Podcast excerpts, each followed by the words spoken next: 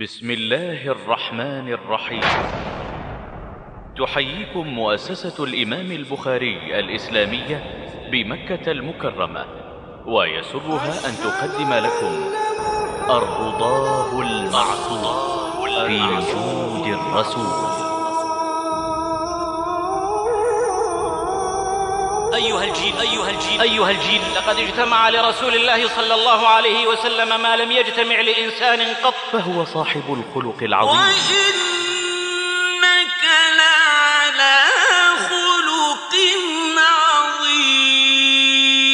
شهدت له آي الكتاب بأنه منذ الولادة طاهر بل قبل ما إنه محمد.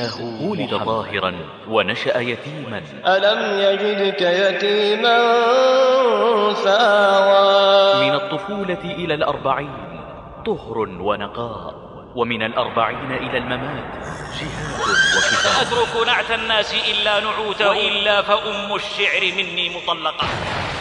أيها الجيل أيها الجيل أيها الجيل. جاء السراج المنير. حل الهلال فكيف ظل السائل وعلام تبقى حيرة المحتال. فرسولنا صلى الله عليه وسلم. كوكب يهتدي به المدرجون. غيث ينتجعه الظامئون. كيف لا يكون كذلك وقد أنزل الله عليه. يا أيها النبي إنا أرسلناك شاهدا ومبشرا ونذيرا وداعيا إلى الله بإذنه وسراجا منيرا. وكرم الله الإنسانية بخير البرية. والله ما ذرأ الإله ولا برى خلقا ولا خلقا كأحمد في الورى فعليه صلى الله ما قلم جرى أو لاح برق في الأباطح أو بعثه الله إلى قوم كانوا في جاهليتهم أمة متخلفة مشركة وثنية نجسة متقاتلة متناحرة يسجدون للصنم ويعبدون الوثن. ويا للعار فقد عميت أبصارهم والبصائر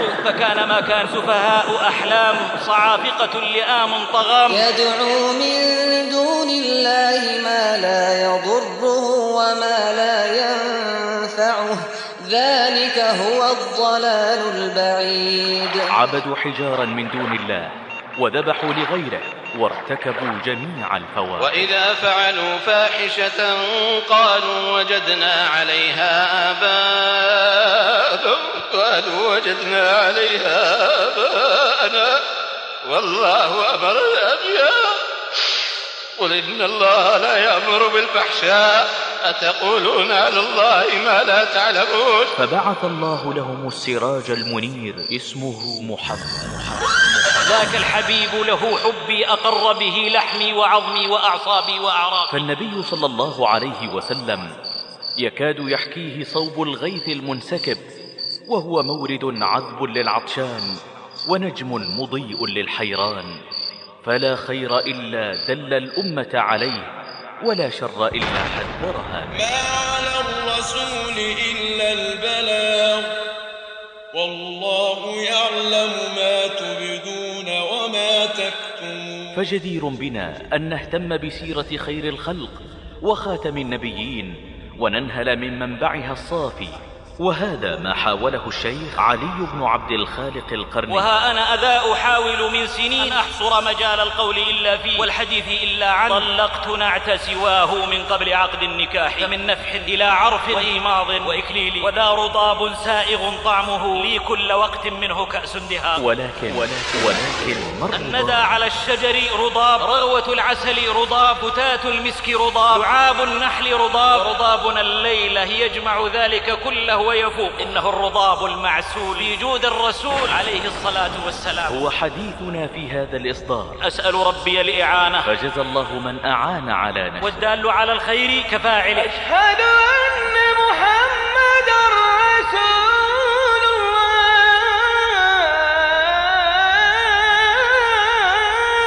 فسيرته عليه الصلاة والسلام. أشهى وأحلى من أقاح الروض في اليوم المطير. والذي أنزل الكتاب وأجرى السحاب وهزم الأحزاب وسبب الأسباب ما دب ودرج على التراب أندى كفا ولا أسخى يدا ولا أجود نفسا من رسول الله صلى الله عليه وسلم. إنه محمد. عطاياه أشباه السحاب تسوقها مواعيد صدق كالرياح اللواقح إنه محمد. يؤثر المحتاج على نفسه. ينوع في عطائه. يقترض الشيء فيرد أكثر منه. يشتري الشيء فيعطي أكثر من ثمنه. إنه محمد. من خالطه وصحبه ورأى هديه لا يملك نفسه من الندى والسماح. مبارك أينما كان. إنه محمد. تفخر الصفات به إذا افتخر الناس بالصفات. أسر قلوب أصحابه وقصاده بجوده وسخائه. جاءه رجل يسأله فأعطاه غنما بين جبلين. فرجع إلى قومه يقول يا قوم أسلموا فإن محمدا يعطي عطاء لا يخشى الفاقة. معشر الإخوة بهذا الخلق سجلت في صحابة رسول الله صلى الله عليه وسلم صفحات مضيئة. أبو بكر. ينفق ماله كله لله ويبقي لأهله الله ورسوله. عمر الفاروق. صار في إثره الفاروق متصلا بجوده كاتصال المتن بالسند. عثمان ذو النورين. فما زال ينفق حتى نال ما ضر عثمان ما عمل بعد اليوم. علي بن أبي طالب. ضحى بمهجته فدى النبي المفدى. ليلة الرصد وفئة لم يجدوا ما يجودون فجادوا بالدم. ولا على الذين إذا ما أتوك لتحملهم. قلت لا أجد ما أحملكم عليه. تولوا وأعينهم تفيض من الدمع حزنا ألا يجدوا ما ينفق. حزنا ألا يجدوا ما ينفقون. والأمة أمة مرحومة لا يزال فيها الخير إلى قيام الساعة. وهناك مصابيح دجى سطعت في سمائنا. استمدت ضوءها من هديه عليه الصلاة والسلام. بهذا الخلق عاش الشيخ إحسان إلهي ظهير رحمه الله. كثير من الخلافات التي هي موجودة اليوم منشأها الجهل. يا ربي فارفعه لأعلى منزل في جنة من تحتها الأنهار. بهذا الخلق عاش الشيخ محمد الأمين عليه رحمة رب العالمين. بالسعادة آجالنا وقم بالعافية غدونا وآثارنا.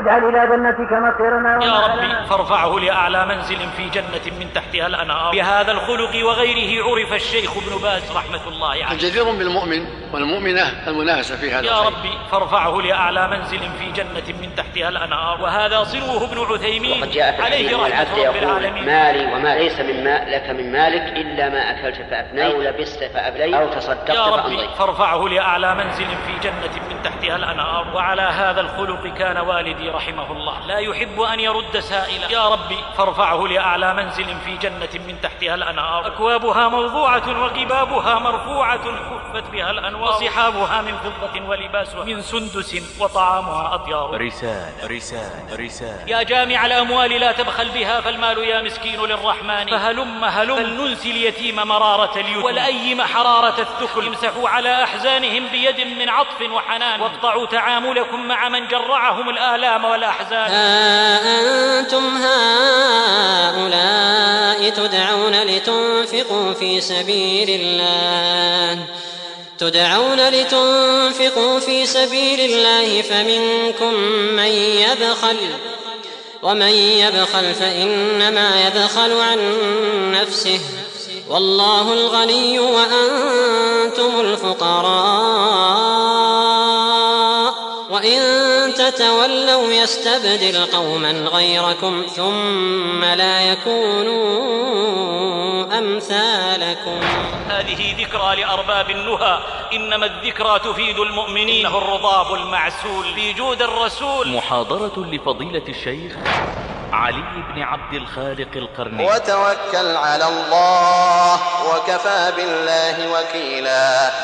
والآن مع المحاضرة. الحمد لله.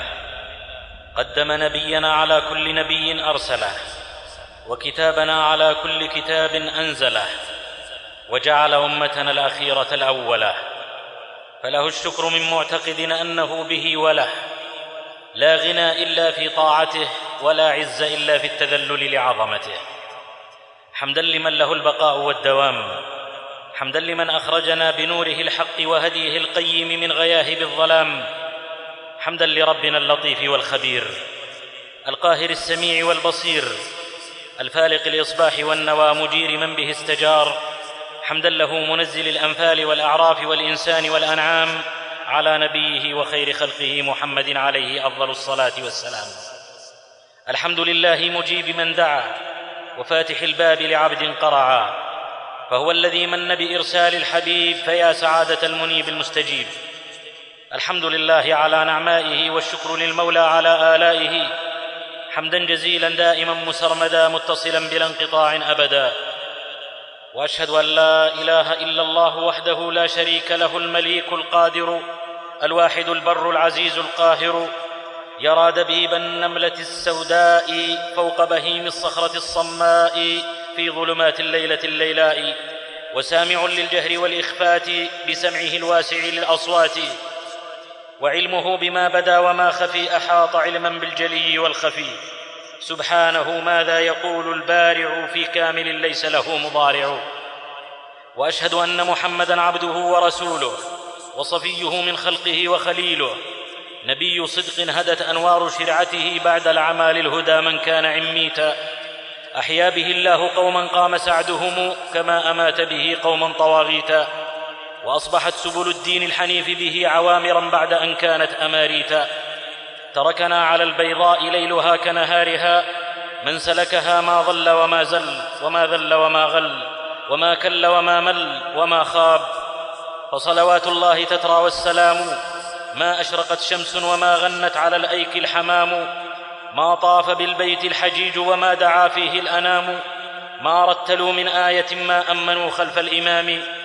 ما ردد التكبير فوق مآذن قد عانقت كبد الغمام على النبي المصطفى الهمام ما نزل القطر من الغمام واختلف الضياء مع الظلام والآل والأزواج والأصحاب والتابعين من أولي الألباب.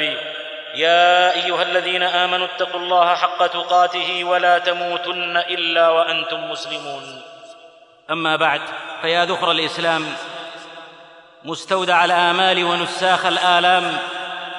روح الأمة الحية وطليعتها الوثابه صبحها المسفر ودوحها المثمر عقود الجمان وقلائد العقيان رواد الروض ووراد الحوض عسكر الرياحين وزهر البساتين هداة الركب إلى العالية وحداة القافلة في السهل والرابية. من أحسب أنهم أهل لهذه القافية. قوم هم دعم الهدى لا تعدوا عيناك عنهم إن ترد دعم الهدى.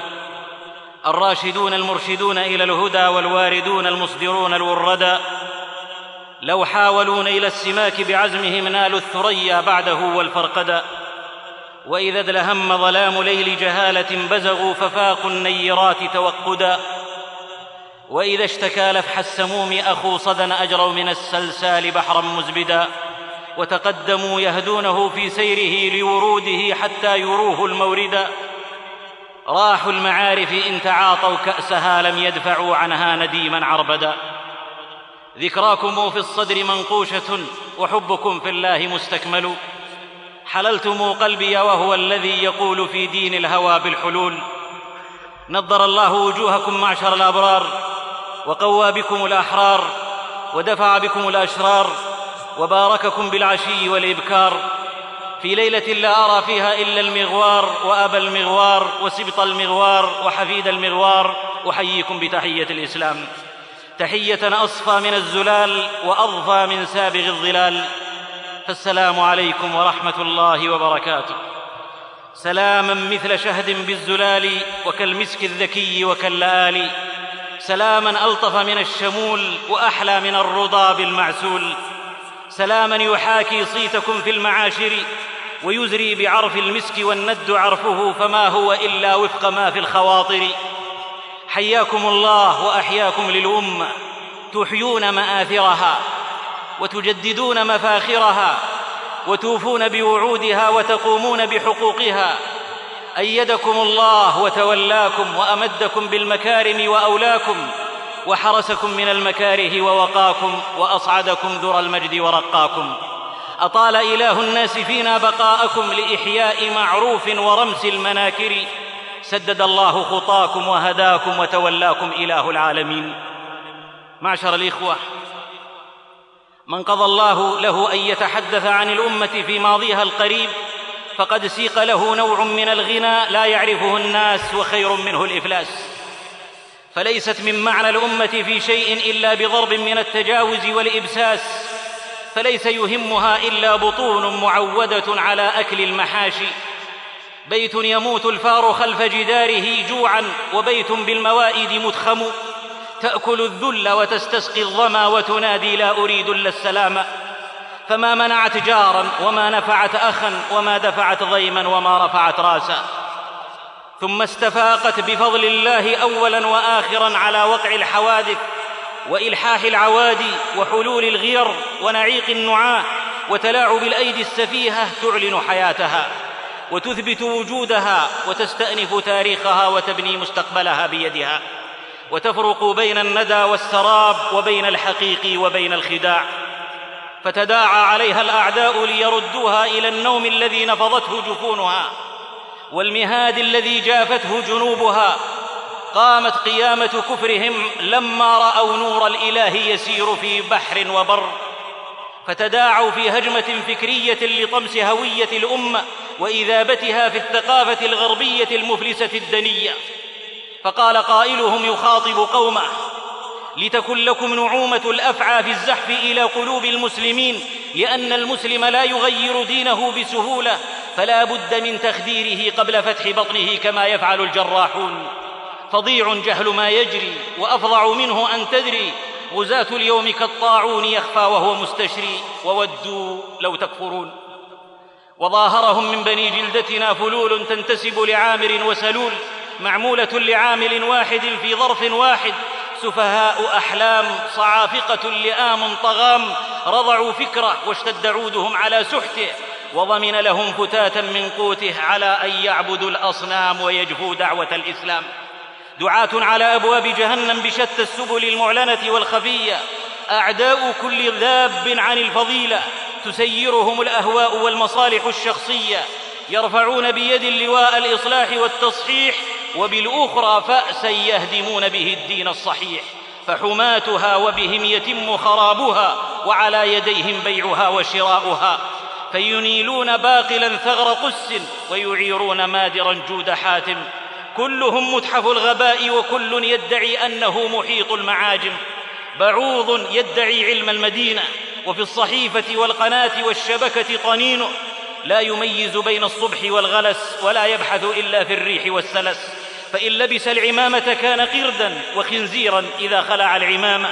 طليس لا يفرق بين آدم وإبليس يقدم لبني جلدته الشر باسم الخير ليغرهم ثم يبيعه ملفوفا في ثياب الخير ليغشهم ثم يمن عليهم بذلك فيحتقرهم ثم يفرض عليهم هو ووليه أن يشكروه ليذلهم. وإذا قيل أيها العجل صمتا قال إني بذل قومي فخور لأن أبا لهب لم يمت وكل الذي مات ضوء لهب فقام الدخان مكان الضياء له ألف رأس والفا ذنب. وما زالوا يرمون النبال وتتكسر النصال على النصال ظانين أنهم قادرون على هدم صرح أطنابه في أعماق الأرض مع إعادة العملاق إلى نومه وانى لهم ذلك. عادوا بخيبتهم والأرض تلفظهم والريح والصخر والأشجار والغار فكل إفك وبهتان يراد به محو الحقيقة لا ينجو من العطب. كناطح صخرة يوما ليوهنها من البلاهة قطع الصلب بالخشب. أنا يستطيب المهاد أو يعاود النوم من لفحته الشمس المهجرة. وفاتته الركبان المفكرة واستشعر التخلف واعتزم اللحاق. هذا ما لا يكون. فما استطاعوا أن يظهروه وما استطاعوا له نقبا. كم من دعي عدا نحوي لينطحني. فعاد من صخرتي والقرن مكسور. أفاقت الأمة على ضجيج وعجيج من أصوات اختلط فيها الناصح بالغاش وفتن التبس فيها الحق بالباطل فأيقنت أن لا خلاص لها إلا بالعودة حقا إلى ميراثها الأصيل الذي لا يأتيه الباطل من بين يديه ولا من خلفه. من تدرع به ملك حاضره ومستقبله بأزمته واتقى مذمته ومن أعرض عنه فهو كالعطشان أدلى دلوه جوف بئر ما بها قطرة ماء. فثوب داعي الأمة إلى أخلاق القرآن في سيرة وشمائل من خلقه القرآن عليه الصلاة والسلام.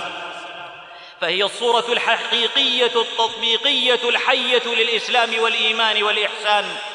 كوكب يهتدي به المدرجون غيث ينتجعه الظامئون ألذ وأحلى من العافية وعيشته عيشة راضية.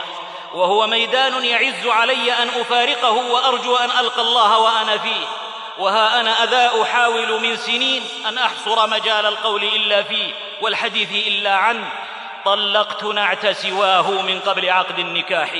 فلست أرى مؤثرا ما حييت عليه نديما إلى المحشر. فريحانتي طيب أخلاقه وعندي هي الورد والعبهر.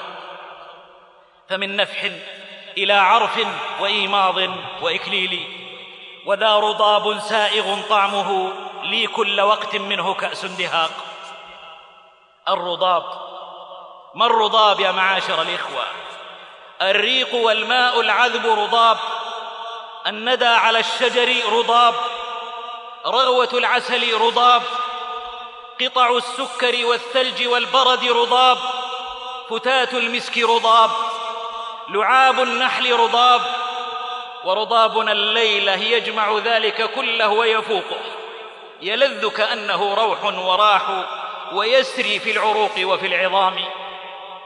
إنه الرضاب المعسول في جود الرسول عليه الصلاة والسلام.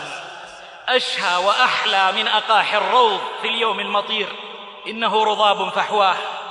لقد اجتمع لرسول الله صلى الله عليه وسلم ما لم يجتمع لإنسان قط فكل ما تفرق في البشر من صفات عالية وأخلاق سامية متضمن في أخلاقه وصفاته صلى الله عليه وسلم كسحائب العقيان والمرجان والدر النشير. وجدت خصال الخير في الناس فرقت وقد جمعت فيه الخصال المفرقه وقد أصبحت في كل غرب ومشرق مغربة أخلاقه ومشرقا إذا ما جرى في محفل طيب ذكرها حسبت به فارات مسك مفتقه سأترك نعت الناس إلا نعوته وإلا فأم الشعر مني مطلقة. إنه رضاب يصدع بمر الحق عابد الدرهم والدينار قائلا دنوت وتعست وانتكست. إنها بلغة وليست مقرا لبني الطين فاتعظ يا حمار. واملأ فؤادك رحمة لذوي الأسى لا يرحم الرحمن من لا يرحم. رضاب يقول زينوا المقال بالفعال أيها الرجال. من خالفت أقواله أفعاله تحولت أفعاله أفعاله. إنه رضاب سام حنظل صاب على كل أهوج أعوج أفحج زبالة بزالة غسالة بواله حثالة حفاله أشر ببطنته يرامح من دنا ضخم المقذ شديد شغب الشاغب وإذا تمرغ عد ألفا كاملا يدع المراغة مثل أمس الذاهب. أشر عباد الله من كل ساقط يزدري الطهر وفي أكنافه وسخ العرض وآلات التهم. من رعاع أقزام يدنسون كلام الملك العلام ويتطاولون على قدر علم الأعلام وسيد الأنام عليه الصلاة والسلام. ويتهادون أوسمة الخزي والعار والفروسية في الوقاحة والدعارة ليعيدوا لمعالي ثعلب الحي اعتبارا كي يجيد الغوص في ماء المجاري بمهارة. اخسأ خزيت خزاية لا تنفد أعلي تبرق. يا زنيم وترعد وتقول زورا يا لقيط وتكذب. أتريد أن تضع الحبيب محمدا عن قدره فاخسأ فذلك يصعب. أحقير شأن واضع من قدر من وصل السماء فكلمته ترحب. يا ابن ويا أخ الفعلة اللخناء أنهيق وعواء وخوار وثغاء وصياح ونباح وهراء. يا سخيف السخفاء يا عديما للحياء. هل رمحك المهزوز إلا إبرة أمن الطعين بها من الإدماء؟ خذ مهر بكرك لا أريد سفاحها. ليس السفاح بشيمة الكرماء. يا ابن الخبيثة من أهجو فأفضحه. إذا هجوت وما تعزى إلى أحد دهمك السيل ولك الويل. لقد رفع الله ذكره ولا خافض لما رفعه الله وجعل اسمه مقرونا باسمه تهتف به ملايين الشفاه. فأين الثرى من الثريا؟ والصحيح من المدرج والأسد من القرد والرأس من الرجلين والتاج من النعلين وجيد الغزال من ذيل الكلب. وأين الباز من ذنب القط؟ هل غض من بحر النقيق ضفادعي والله لو قام النصارى كلهم طمعا لحجب الشمس ليست تحجب. والله لو جاءوا بكل عتادهم ليشوهوا وجه الجمال لخيبوا. أخلاقه ومساعيه وسؤدده شواهد تتحدى كل متهم ولم تزل في مغانيه ترف بها منابت الشيح والقيصوم والسلم. والله ما ذرأ الإله ولا برى خلقا ولا خلقا كأحمد في الورى فعليه صلى الله ما قلم جرى أو لاح برق في الأباطح أو قباء. ومع ذا فهو رضاب من علقم يصب على الدنس الخبيث الأشمط المتفيهق أبي الضالين وكبير المارقين. من بدت البغضاء من فمه اخسأ رقيع فما أراك مؤهلا. لتكون نعلا للنبي الأشرف. نعال نبينا والله أغلى من الكفار طرا أجمعين. نعال نبينا والله أبهى وأجمل من وجوه الكافرين. والله لو حاولت ومعك رويبضات النصارى والبشر والمواشي والبقر أن تنال من سماء شريعة محمد صلى الله عليه وسلم ما أفلحت أبدا. وسيبقى حجة عليك إلى يوم الدين وشوكة في لهاتك إلى يوم يبعثون. والله متم نوره ولو كره الكافرون. إنا كفيناك المستهزئين. أي أشيمط كم قد قتلتك بالهجاء ولم تمت إن الكلاب طويلة الأعمار فلتقل ما تشاء فالحق أبقى والمحيط العظيم ماذا عليه من سفيه إذا السفيه رماه ما ضر نهر الفرات يوما أن خاض بعض الكلاب فيه ويا ذا البذاء تتقاصر الأمواه عن صداء وأنت الجدير بهذا الحدى أيا ذا الفضائل واللامحاء ويا ذا المكارم والميمها ويا أنجب الناس والباء سين ويا ذا الصيانة والصاد خاء ويا أكتب الناس والتاء ذال ويا أعلم الناس والعين ظاء تجود على الكل والدال راء فأنت السخي ويتلوه فاء. لقد صرت عيبا لداء البغاء ومن قبل كان يعاب البغاء. وعذرا لقولي على ذا الحدى شكا كلمي إلي وقال تهجو بمثلي عرض ذا الكلب اللئيم. فقلت له تسلى فرب نجم هوى في إثر شيطان الرجيم. ومع ذلك فهو رضاب يقول إن الأمة التي لا تجعل الأخلاق ملاكها أمة تتعجل هلاكها. إن حاجتنا اليوم إلى أخلاق الإسلام أعظم من حاجتنا إلى كل مطلب ومرام. أليست فئة منا تجود بمالها ووقتها على مدار الساعة لأشهر تصفق وتتابع ما يفعله بعض الماجنين من تفاهات عبر قنوات قذرات تروج لتلك الترهات وتصوت لتزييف البطولات في برنامج كشف الأستار ستار. ويا للعار فقد عميت أبصارهم والبصائر فكان ما كان مما لست أذكره من الهراء ومن اسفافه الداني.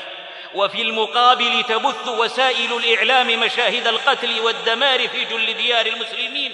ما تتفطر له القلوب وتقشعر الأبدان إن كان في القلب إسلام وإيمان. وما قصة الطفل كنعان عبود عنا ببعيده حين داهم العدو الصهيوني منزلهم فهرب ثم عاد فوجدهم قد قتلوا جميع أفراد أسرته التسعة فاندفع يبكي أمام أمه وإخوته فجاءه جنود الصهيوني فقام يبكي بهستيريه ويقول لماذا قتلتم أمي وإخوتي ولم يفعلوا شيئا؟ اقتلوني معهم واجعلوني في حضن أمي. ثم ارتمى في حضن أمه ليلفظ روحه على صدرها معانقا لها من فرط حزنه عليها. لتبقى الصورة الأليمة مع الصورة القذرة التي قبلها شاهدا على ضياع الهوية وغياب الهدف والمسؤولية وعظيم الرزية وضعف الغيرة والحمية. ارجمينا يا جبال الأرض صخرا وارجمي منا شعورا قد تجمد. هي الأخلاق للدنيا حياة إذا ضاعت فأنذر بالخراب. ومع ذا فهو رضاب يحرك النفوس الجامدة ويهز الهمم الخامدة لتتبارى للبذل في سوق بضاعتها شرف الدنيا وعز الآخرة. وقيمتها مال زائل وحال حائل فالعيش عيش الآخرة. تجارة الدنيا هي الخاسرة. طوبى لمن يعمل للآخرة. رضاب يقول بقول البشير إن الأمة اليوم مريض يتطلع للشفاء وبائس يتشوق للنعيم ومظلوم يستشرف العدل. ومستعبد ينشد الحرية لكنه ليس كما يقال عنه إنه جائع يطلب الخبز إن وجده سكت. ربما تلوي رياح الجوع أعناق الزهور ربما لكنها تعجز عن لي الجذور. رضاب يقول يا هلوعا مستنعجا ما لشاة من نجاة في غابة الأقوياء. مذ رفعت اليدين أصبحت قنا وسبتك العلوج سبي الإماء. قد بلغ السيل الزبا وجاوز الربا إلا تنصروه فقد نصره الله. ونصرته حقا عظم بالنواجذ على شريعته خذوا ما آتيناكم بقوة. إن لغة الضعف لا عزة معها ولا كرامة ولا مروءة. بهذه اللغة الوضيعة أنكر بعض المنهزمين جهاد الطلب ليدفع تهمة انتشار الإسلام بالسيف فيا للحيف. أما في قلبه آية أما في سمعه قرآن ما عباد العباد في الأرض إلا ثمر للخنوع والانحناء. لقد صار غاية ما يطلبه بعض المنهزمين من المسيئين لديننا ونبينا الاعتذار. لا نريد الاعتذار من الأشرار نريد أن نقدم الإعذار إلى الله الواحد القهار بالقيام بتطبيق شريعته في كل شان وتقديم ما في الوسع كل بحسبه لا خيار. انزع الجبن من فؤادك نزعا ثم ألقه واسحقه تحت الحذاء. لن تطيح الثمار قبل إناها إن فوق الردى كتاب القضاء. وما دام في جوف هاماتنا جبان فكل عدو شجاع. إنا لا ننكر أن مكر الليل والنهار من كل غربي صليبي ومتزين بقبعته قائم على قدم وساق وأن الأمة في حالة ضعف ظاهر وللضعف فقهه وأولوياته لكن مع هذا كله لا يجوز لها بحال أن تقول الباطل إذا لم تستطع أن تقول الحق. والحق مر فامضغوه فإنما تحلو الحياة إذا أسيغ العلقم. رضاب ينادي هلم هلم إلي إلي أنخ أيها الصاد الشديد ظماؤه ورد منهلا أحلى من الشهد ماؤه. هذه ذكرى لأرباب النهى إنما الذكرى تفيد المؤمنين. وما أنا فيما أعرضه لكم الليلة إلا كالمتكلف دليلا على ضياء النهار وإشراق الشمس وإحراق النار. فذلك مما لا يكاد يخفى على الصامت والناطق وعلى كل كهء فه فكيف بالحاذق؟ فلو أنني بجميع البحور وصفت لكنت على الساحل ما رام حصر معاليه أخو لسن إلا وأصبح باد العي صميتا لكنني أسأل ربي الإعانة على ذا الأمر منه والإبانة وأن يكون لي ولا علي وعند كل مسلم مرضيا وأن يكون للثواب قانصا لوجهه عز وجل خالصا. الرضاب المعسول في جود الرسول صلى الله عليه وسلم. رضاب تهش إليه النفوس ويلقى القلوب بلا آذن. نداه ما نداه كرمه ما كرمه. جوده ما جوده. جود تود الدراري أنها قمم فيه وترجو الثريا أنها وادي كالكوكب الأزهر. رضابه شهد وعرفه عنبر. رياه من ورد وريقه كوثر. له الشمس خدن والنجوم ولائد. له الدر لفظ والدراري قلائد. له من براهين القرآن شواهد. له الفضل ورد والمعالي موارد. والذي أنزل الكتاب وأجرى السحاب وهزم الأحزاب وسبب الأسباب. ما ودرج على التراب أندى كفا ولا أسخى يدا ولا أجود نفسا من رسول الله صلى الله عليه وسلم. فجوده الجود لا جود يقاس به ومن يقيس بنشر المسك حلتيتا. لو فاخرته الطباق السبع لانتكست وعاد كوكبها الدري مبكوتا. فعليه الله صلى وعليه الله سلم. كان صلى الله عليه وسلم أجود الناس تطرب الأنفس من ذكر نداه طرب الإبل على لحن الحداء. عطاياه أشباه السحاب تسوقها مواعيد صدق كالرياح اللواقح. يؤثر المحتاج على نفسه ينوع في عطائه. يقترض الشيء فيرد أكثر منه. يشتري الشيء فيعطي أكثر من ثمنه. لا يستكثر شيئا أعطاه الله ولا يستقله. سروره بما يعطيه أعظم من سرور الآخذ بما يأخذه. من خالطه وصحبه وراى هديه لا يملك نفسه من الندى والسماحه مبارك أينما كان. أسرع بالخير من الريح تعم جميع ما تهب عليه من الأرض الطيبة وغير الطيبة. فمعروفه يسري إلى كل طالب وفيه انطوى شهد لذيذ المشارب. قال ابن عباس رضي الله عنهما كان رسول الله صلى الله عليه وسلم أجود الناس وكان أجود ما يكون في رمضان حين يلقاه جبريل فيدارسه القرآن فلرسول الله أجود بالخير من الريح المرسلة. وكيف لا يكون كذلك؟ وقد أنزل الله عليه في الأمر بالإنفاق والترغيب فيه آيات وآيات قد صاغه الرحمن من كرم فلو مسته راحة باخل اعداه اليمن في يمناه حيث تصرفت أحواله واليسر في يسراه. أقام لأهل الجود سوقا غلت بها مدائحهم وانحط سعر المنابح فعليه الله صلى وعليه الله سلم. كان صلى الله عليه وسلم أجود الناس. الجود لفظ هو معناه وجسمه وهيولاه. جبل الانام على الخلاف ولا ارى رجلين يختلفان في علياه يفيض بكل خير مستطاب كمثل الشهد أو حلو الرضاب. اسر قلوب اصحابه وقصاده بجوده وسخائه. فالدنيا بحذافيرها لا تساوي ادخال فرد واحد في الاسلام عنده. علم أن الناس عبيد إحسان فكان يعطي ليتألف اناسا على الإسلام عطايا عظمى فيصير من خيار المسلمين وحال أحدهم طنب خيامك للإقامة عنده ودع ارتحالك. قال أنس رضي الله عنه إن كان الرجل ليسلم ما يريد إلا الدنيا فما يسلم حتى يكون الإسلام أحب إليه من الدنيا وما عليها. حال أحدهم والله لن أرد الأجاج فموردي عذب زلال. لقد كان جوده عن كرم في طبعه وسماحة في نفسه مع ثقة في سعة خزائن ربه. روى الإمام مسلم عن أنس رضي الله عنه قال ما سئل رسول الله صلى الله عليه وسلم على الإسلام شيئا إلا أعطاه. جاءه رجل يسأله فأعطاه غنما بين جبلين فوقف الرجل أمام صورة من كرم عظيم ملكت عليه لبه وذهبت بإعجابه. فرجع إلى قومه يقول يا قوم أسلموا فإن محمدا يعطي عطاء لا يخشى الفاقه ونادى الناس بعضهم لبعض لفرط الجود حي على الفلاح. أعطى صفوان مئة من الإبل ثم مئة. ثم مئة أعطى عطايا أخجلت دلح الديم إذ ملأت رحب الفضا من النعم.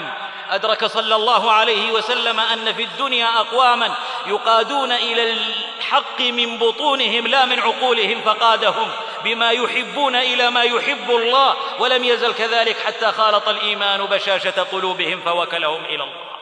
وصفوان شاهد غير متهم يقول والله لقد أعطاني رسول الله صلى الله عليه وسلم ما أعطاني وإنه لأبغض الناس إلي فما برح يعطيني حتى إنه لأحب الناس إلي. فلي مهجة أشربت حبه وقلب أقر له بالولاء تبدل بغضه حبا وبعده قربا. استحال إنسانا بعد أن كان ثعبانا وصار حبيبا بعد أن كان ذيبا. أصبح لا يرى في الدنيا غير محمد ودين محمد وخلق محمد. صلى الله وسلم على نبينا محمد وحاله لألزمن لزوم الظل سنته. عقدت عهدي على هذا وميثاقي. إنها السياسة الشرعية الحكيمة ممن يعلم أن الدنيا لا تعدل عند الله جناح بعوضة فلو كان عنده عدد رمال الصحراء ذهبا لفرقه في سبيل دعوته. لأنه مقيم دين وصانع رجال يبني الرجال وغيره يبني القرى شتان بين قرى وبين رجال. ففي شرف لا سرف يفعل بالأموال يوم الندى ما تفعل الأبطال يوم الكفاح. فعليه الله صلى وعليه الله سلم. كان صلى الله عليه وسلم أجود الناس. جواد يرى أن الغنى الجود بالغنى وأن ادخار الفانيات معاب وأن الغنى فقر إذا فاته الندى وكل سحاب لا يسح ضباب. إن رزق مالا فرقه يمينا وشمالا لا يمسكه في يده ولا يدخره لغده. لو تحول جبل أحد من الحجارة إلى الذهب ثم صار ملكا له ما سره ذلك حتى ينفقه في سبيل الله. تلك حقيقة سجلها أصحابه بعيدا عن التزيد والمبالغة. فعن أبي ذر رضي الله عنه قال كنت أمشي مع النبي صلى الله عليه وسلم في حرة المدينة أمام أحد. فقال يا أبا ذر قلت لبيك يا رسول الله. قال ما يسرني أن عندي مثل أحد ذهبا تمضي علي ثالثة وعندي منه دينار إلا شيئا أرصده لدين إلا أن أقول به في عباد الله هكذا وهكذا وهكذا عن يمينه وعن شماله ومن خلفه. ثم مشى ثم قال إن الأكثرين هم المقلون الأقلون يوم القيامة إلا من قال هكذا وهكذا وهكذا من عن يمينه وعن شماله ومن خلفه وقليل ما هم. فإن رمت أن تلقى نظيرا لجوده عجزت ورب الناس عن عد واحد. يصلي العصر يوما فلما سلم قام سريعا ودخل على بعض نسائه ثم خرج إلى أصحابه ورأى ما في وجوههم من عجب لسرعته. فقال ذكرت وأنا في الصلاة تبرا فكرهت أن يمسي عندنا فأمرت بقسمته. مطبوع على الجود الجود من اسمه وفعله وحرفه يأتلف. وأحمد جوده ثابت لا ينصرف. راء كرمه تفخم ومنادى جوده لا يرخم. صوت لسانه نعم وصوت بنانه نعم. مثل عليا أضاءت للورى سبل العلياء في الليل الغداف.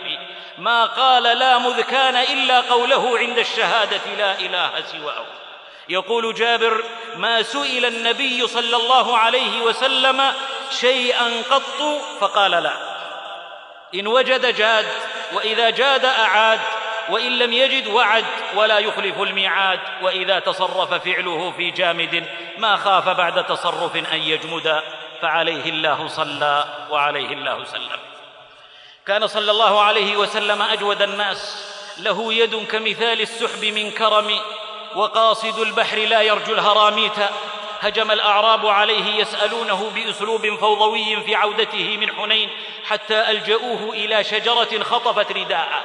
فأعلن الجود وما أسر وابتدأ وأخبر وأظهر واضمر وحل المعمى ووضح الاسم والمسمى وعدل وقوم وصنف الأسماء والأفعال وبوب الظرف والحال وبنى وأعرب ووصل ولم يقطع وثنى وجمع وقال ردوا علي ردائي فوالذي نفس محمد بيده لو كان عندي عدد هذه العظاء نعما لقسمته بينكم ثم لا تجدوني بخيلا ولا جبانا ولا كذوبا.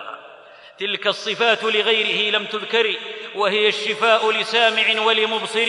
لما اعتلى شرفا توالى سيبه والمزن ما لم يرتفع لم يمطر. فعليه الله صلى وعليه الله سلم. كان صلى الله عليه وسلم أجود الناس يحدث عن جوده المشرقان وتروي جلالته المغربان. أزاهيره مؤمنات العبير وأطياره قانتات الزجل.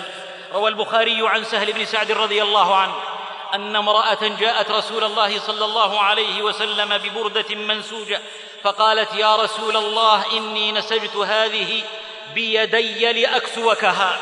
يا لها من مؤمنة. تريد أن تنعم برؤية من هو أحب عليها من نفسها وهو يلبس هذه البردة التي صبرت على نسجها أياما وأياما وحالها. ذاك الحبيب له حبي أقر به لحمي وعظمي وأعصابي وأعراقي. وكان لها ما أرادت. أخذها النبي صلى الله عليه وسلم محتاجا لها. وخرج إلينا وإنها لازاره حال سهل يلوح لي في الحال من وجهه. بشر ميادين الندى والسماح. تالله ما شمت له بارقا إلا ولاح الجود من حيث لاح جسها ومسها رجل من القوم ثم قال يا رسول الله اكسنيها ما أحسنها. فقال صلى الله عليه وسلم نعم. ولا يقول نعم يوما فيتبعها منعا ولو ذهبت بالمال والولد. جلس النبي صلى الله عليه وسلم ما شاء الله في ذلك المجلس ثم رجع فطواها وأرسل بها إليه. ولو لم يكن في كفه غير روحه لجاد بها فليتق الله سائله. اغتاظ الصحابة من فعل هذا الرجل وزجروه وأنبوه وقالوا ما أحسنت؟ سألته إياها وقد عرفت أنه لا يرد سائلا. فبين الرجل أنه محب يطلبها لا ليلبسها ولكن لينعم بها في قبره يوم يموت وحاله. يا صاح مهلا أقل اللوم يا صاحي ولا تكونن لي باللائم اللاحي. أو لم ما شئت لا وقع لتقطيع الأيدي عند رؤية يوسف والله ما سألتها لألبسها وإنما لتكون كفني يوم أموت. يهفو لها قلب ويصغي مسمع والله يعلم ما حوته الأضلع. قال سهل فكانت كفنه يوم مات. فإلى جوار الأكرمين يحفهم ويحفه الرضوان والاستبرق. كان صلى الله عليه وسلم أجود الناس ما رآه الحق يوما راكعا لهوى نفس ولذات سلاف لو أن بعضا من سماحة كفه بيمين قارون لأصبح معدما تهتز من طرب عطاياه فلو غنى الجماد لكاد أن يترنما شهدت له آي الكتاب بأنه منذ الولادة طاهر بل قبل ما. له أساليب متنوعة في كرمه فقد يلجأ إلى شراء الحاجة من صاحبها ثم يهديها له. أستأنف النظرات في أخلاقه لأرى غرائب كلما أستأنف وأرى لطائف بعدهن لطائف. فله التليد من الندى والطارف.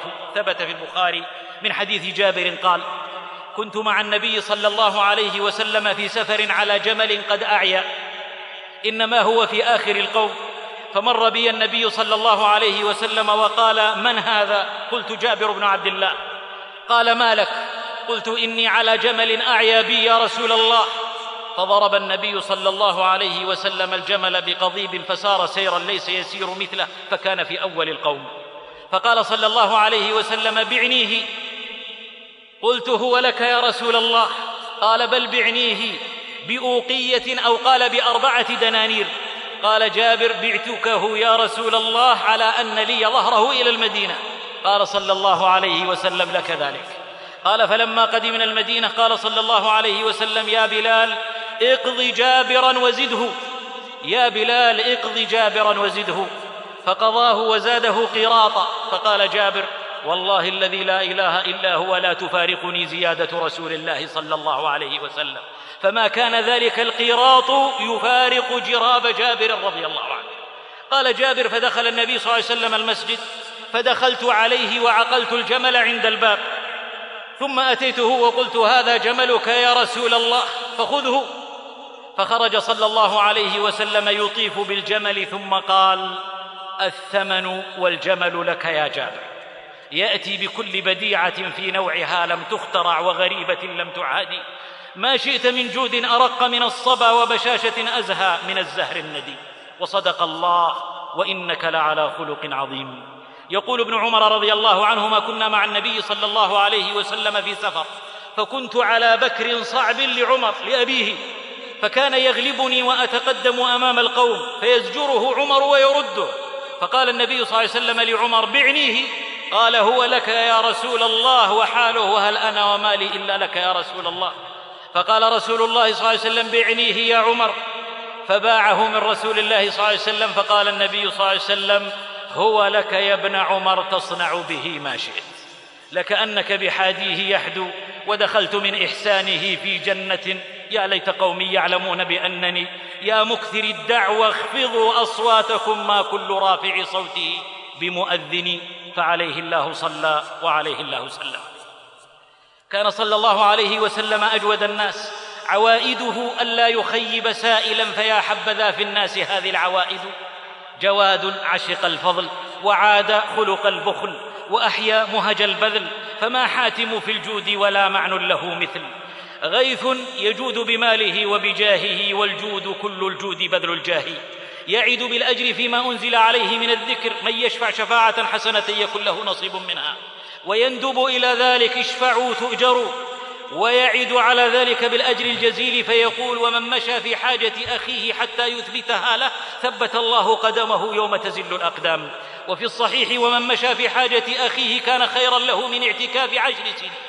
ومن اعتكف يوما ابتغاء وجه الله جعل الله بينه وبين النار ثلاثة خنادق كل خندق أبعد مما بين الخافقين. ويثبت ذلك بفعله صلى الله عليه وسلم. كما في الحديث الصحيح أن مغيثا عبد أسود كان له زوجة اما هي بريرة. قد عتقت ففسخت نكاحها من مغيث وذلك حق لها لأن زواجها وهي أمة إنما هو برغبة سيدها. كان مغيث يحبها حبا عظيما ويطوف خلفها في سكك المدينة يبكي تسيل دموعه على لحيته وبلاؤه أنه يحب من لا يحبه والقلوب بيد الله. يقول النبي صلى الله عليه وسلم للعباس يا عباس ألا تعجب من حب مغيث بريرة وبغض بريرة مغيثا يأتي مغيث رسول الله صلى الله عليه وسلم وحاله أنت الندى وابن الندى وأبو الندى حليف الندى ما للندى عنه مذهب جمع القلوب مكسر وجموع فضلك سالمة. اشفع لي يا رسول الله. فيذهب النبي صلى الله عليه وسلم إلى بريرة. ويقول يا بريرة زوجك وأبو ولدك لو راجعتيه. فقالت وقد استقر في نفسها التفريق بين أمره وبين شفاعته.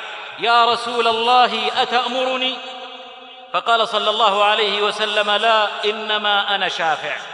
فنظرت وقد قام في نفسها من بغض مغيث وعدم قدرتها على معايشته. ما جعلها ترد من يعظم رد شفاعته فتقول لا حاجة لي فيه يا رسول الله. والحال لم لا يذوب القلب مما به؟ كم ذاب لكن فيه ما لا يذوب؟ عاد رسول الله صلى الله عليه وسلم وقد جاد بما لديه وإن رد فلا يضير فالغيث ليس يبالي حيث من سكبت منه الغمائم تربا كان أو حجرا. فعليه الله صلى وعليه الله سلم. كان صلى الله عليه وسلم أجود الناس. دع عنك أخبار الكرام فإنه هو زبدة يكفيكها ونموذج. هو من إذا حدثت عنه بأنه بحر فلا أخشى ولا أتحرج. طبع الندى خلقا له فإن ادعى فيه سواه فأحول يتغنج. يظهر جوده وكرمه على أمته في الحرص على نجاتهم من نار جهنم فيضرع إلى الله في دنياه وهو يردد قول الله إن تعذبهم فإنهم عبادك وإن تغفر لهم فإنك أنت العزيز الحكيم. ثم يرفع يديه ويقول اللهم أمتي أمتي. ثم يبكي فقال الله يا جبريل اذهب إلى محمد فقل له إنا سنرضيك في أمتك ولا نسوءك هذا في دنياه أما في أخراه فكل يوم القيامة يقول نفسي نفسي لا أملك إلا نفسي. وهو صلى الله عليه وسلم يقول أمتي أمتي أمتي أمتي عزيز عليه ما عنتم حريص عليكم بالمؤمنين رؤوف رحيم. فعليه الله صلى وعليه الله سلم. كان صلى الله عليه وسلم أجود الناس. مصباح أهل الجود والصبح الذي من جاب ليل البخل لو لم يسفر الخاطب المعروف قبل فطامه والطالب العلياء غير مقتر. يجود بوقته وجاهه وراحته ولذته وإجمام نفسه تعبا وكدا في مصلحة أمته من ذكر وأنثى وحر وامه يسمو إلى القمم الرفيعة حاديا بالركب في أفق العلاء الفرقد. في الصحيح من حديث أنس رضي الله عنه إن كانت الأمة من اماء المدينة لتأخذ بيد النبي صلى الله عليه وسلم فتنطلق به حيث شاءت. متيم بالندى لو قال سائله هب لي جميع كرى عينيك لم ينم. فعليه الله صلى وعليه الله سلم. كان صلى الله عليه وسلم أجود الناس وأشجع الناس. الخير يرجى من مخايل سحبه والموت يخشى من صواعق رعده. فانظر إليه ترى ليثا وشمس علا وبحر جود براها الله في رجل يجود في سبيل الله بيده ولسانه وقلبه طيلة عمره وعدد أنفاسه وهو أقرب الناس إلى عدوه في كل معركة وأشدهم بأسا فالأبطال الشجعان تلوذ به وتتقي به. علم ترى في كل جارحة به. يجري خضم ندى ويسطو فيلق. في إيمان وثبات وبطولة فذة وقوة قلبية عميقة وجود لا نظير له يقسم بالله ربا لولا المشقة على أصحابه ما تخلف عن سرية. ماضي العزيم لو استناب عزيمه عن حد كل مهند أغناه. في صحيح مسلم أنه قال والذي نفس محمد بيده لولا أن أشق على المسلمين ما قعدت خلاف سرية تغزو في سبيل الله أبدا ولكن لا أجد سعة فأحملهم ولا يجدون سعة ويشق عليهم أن يتخلفوا. والذي نفس محمد بيده لوددت أني أغزو في سبيل الله فأقتل ثم أغزو فأقتل ثم أغزو فأقتل. يجود بالنفس إن ظن البخيل بها والجود بالنفس أقصى غاية الجود. فعلى ولاة أمور المسلمين امتثالا لأمر الله وأسوة بسيد البشرية وخير البرية إعداد العده ونحن نعيش عصرا تكالبت فيه الأعداء من كل حدب وصوب على الأمة الإسلامية بدعوى نشر الحرية. فما نشروا إلا الأخلاق الدنية وكل بليه وكم تدعي عفة والوجود بأصناف خستها مفعم. فما هي في الحرية إلا كمسيلمة الكذاب في النبوة.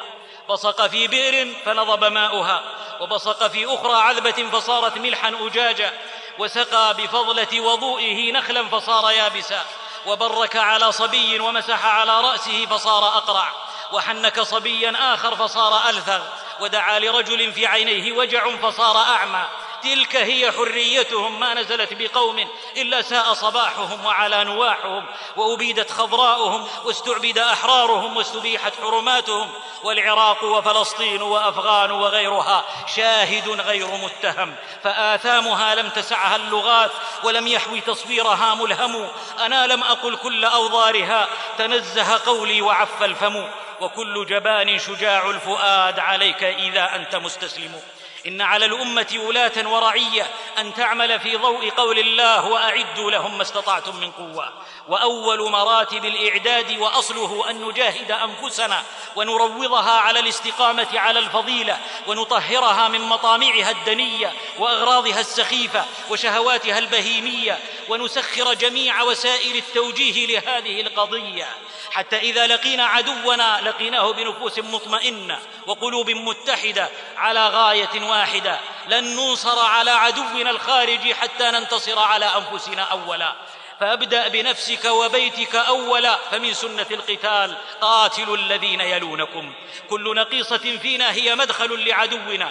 إن أعداءنا ما سامون الذل والهوان إلا من ثغرة أخلاقنا الضعيفة. فاستعانوا بنا علينا. التمسوا خائنا لدينه ووطنه فوجدوا العشرات. التمسوا من يدلهم على عوراتنا وأسرارنا فوجدوا المئات. التمسوا ناعقا بالفرقة بيننا فوجدوا الآلاف. عدونا أنفسنا أولا. فلنتداعى على إصلاحها وتربيتها على الصبر إلا على الضيم والإقدام إلا على الشر والإيثار إلا بالشرف والتسامح إلا بالكرامة والتؤده إلا في الخير المحض. وبعدها أطلق يدي وفك الحبل من عنقي وافتح لي الباب وانظر بعد كيف ترى. لئن لم تفعلوا يا قوم هذا سيتلو أول المكروه ثاني. وقد يسوف بالإسقاء ذو ظمأ ولا يسوف بالإسقاء غصان. كان صلى الله عليه وسلم أجود الناس.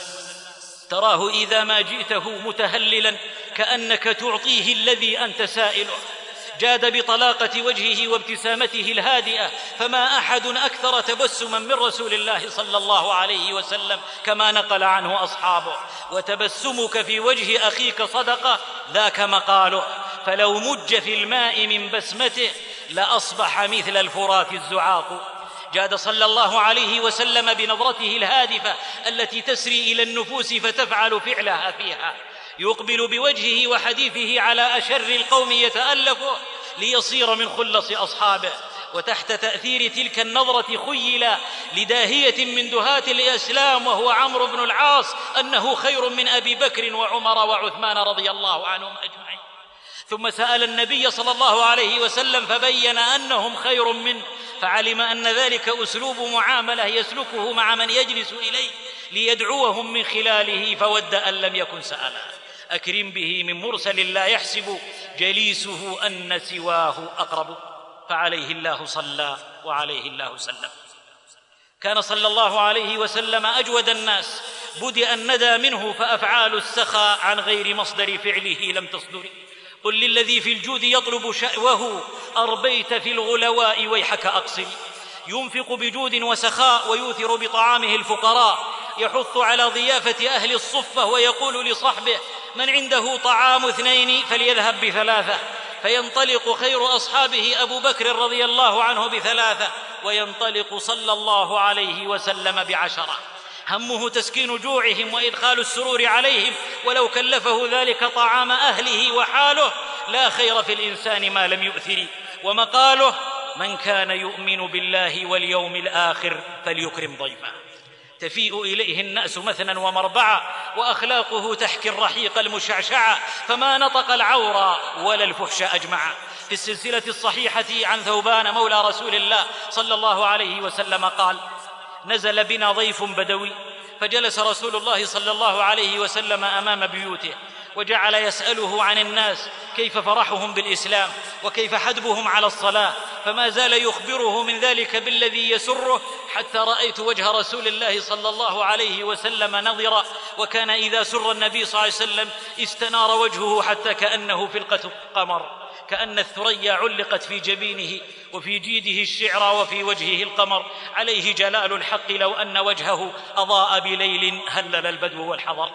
قال ثوبان فلما انتصف النهار وحان وقت الطعام دعاني مستخفيا لا يآل. أن ائت عائشة فأخبرها أن لرسول الله صلى الله عليه وسلم ضيفا. والغيث أهنأه الذي يهمي وليس له رعود.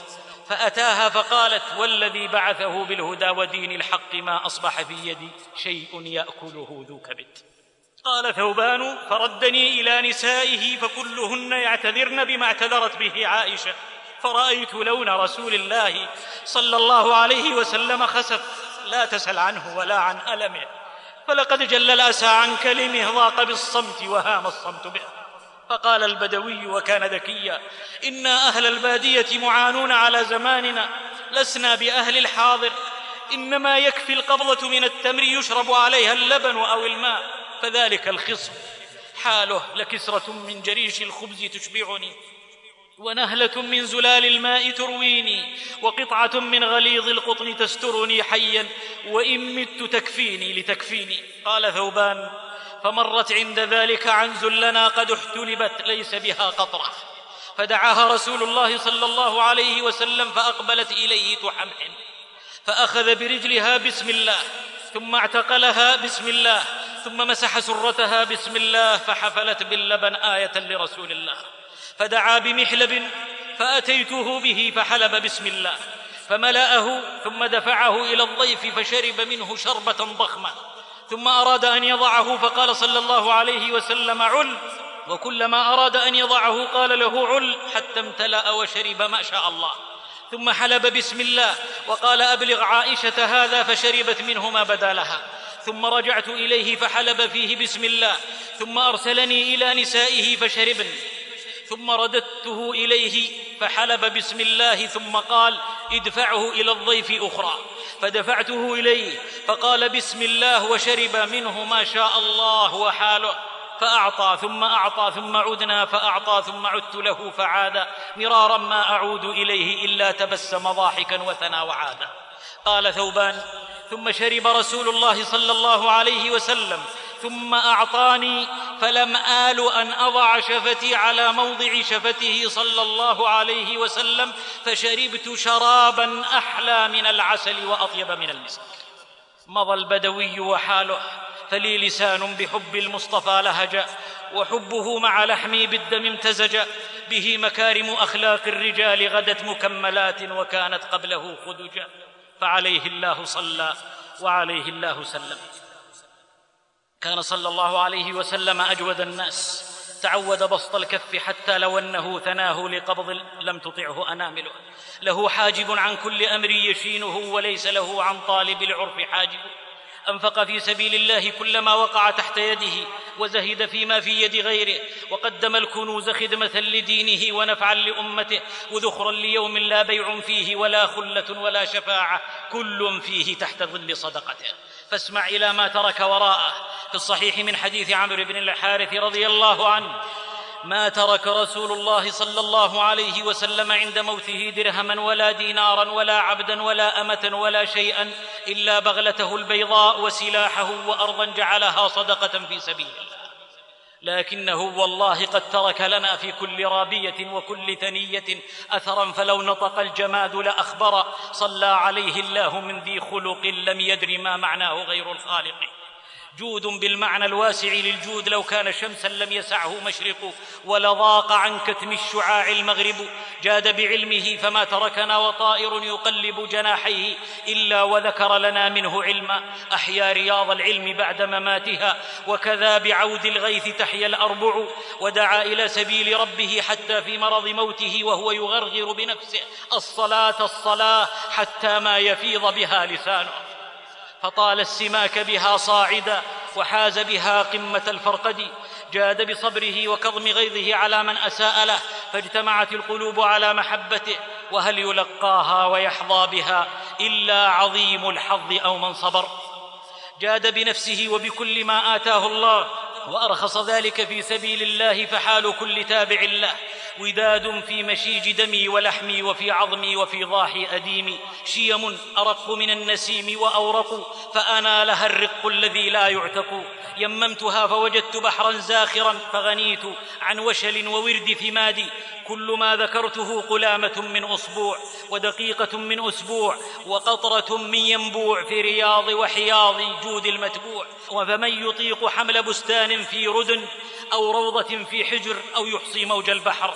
بحر إذا ورد العفاة وإن بدا فالبدر ماضي عشره والأربع أثنى عليه إلهنا فليعترف بقصوره قول البليغ المصقع. صلى الإله عليه ما صدحت على فنن مطوقة الحمام السجع. فارفع وضم وخذ بسنة أحمد في الحال معتصما بحبل الباري وارحل مراحله واعمل كما عمل وانزل منازله أيان ما نزل. معشر الإخوة بهذا الخلق سجلت لصحابة رسول الله صلى الله عليه وسلم صفحات مضيئة مجليات بلجين وذهب مثقوبة آذانها وفي الثقب مثل شنوف الخرد البيض العرب. فمع النصب والتعب حذفوا من تصاريف كلامهم حرف الجر وسين الطلب سلف إذا مر الزمان بذكرهم وقف الزمان لهم مجلا مكبرا. أبو بكر يجعل من نفسه درعا لرسول الله وينفق ماله كله لله ويبقي لأهله الله ورسوله. وقام مقاما يشهد الحق أنه مقام على التاريخ بالتبر يطبع. وصار في إثره الفاروق متصلا بجوده كاتصال المتن بالسند. فأنفق نصف ماله غير مرة. ولو احتيج إلى البقية لجاد بلا تردد. ومد عثمان ذو النورين أشرعة والبحر يقذف بالأمواج والزبد فما زال ينفق حتى نال ما ضر عثمان ما عمل بعد اليوم. كذا علي الذي ضحى بمهجته فدى النبي المفدى ليلة الرصد يعرض نفسه للهلاك بنومه في فراش النبي صلى الله عليه وسلم عشية الهجرة فكان بمنزلة هارون من موسى. وابن عوف يتصدق بمئتي أوقية من ذهب ويوصي لكل بدري بأربعمائة دينار ولأمهات المؤمنين بالعطاء الجزيل ألا سقى الله ابن عوف من السلسبيل؟ ويهاجر صهيب ويترك ماله لأهل مكة يشري نفسه ابتغاء مرضات الله. ربح البيع أبا يحيى وأبو طلحة يجود بأحب ماله بيرحاء ثم بنفسه دون رسول الله صلى الله عليه وسلم يتلقى السهام مرددا نحري دون نحرك. لصوت أبي طلحة في الجيش خير من فئة وذاك مال رابح سعد بن أبي وقاص يجود بنفسه وماله لله ثم يأمر أن يكفن في جبة بالية لقي بها المشركين يوم بدر ليلقى بها الله.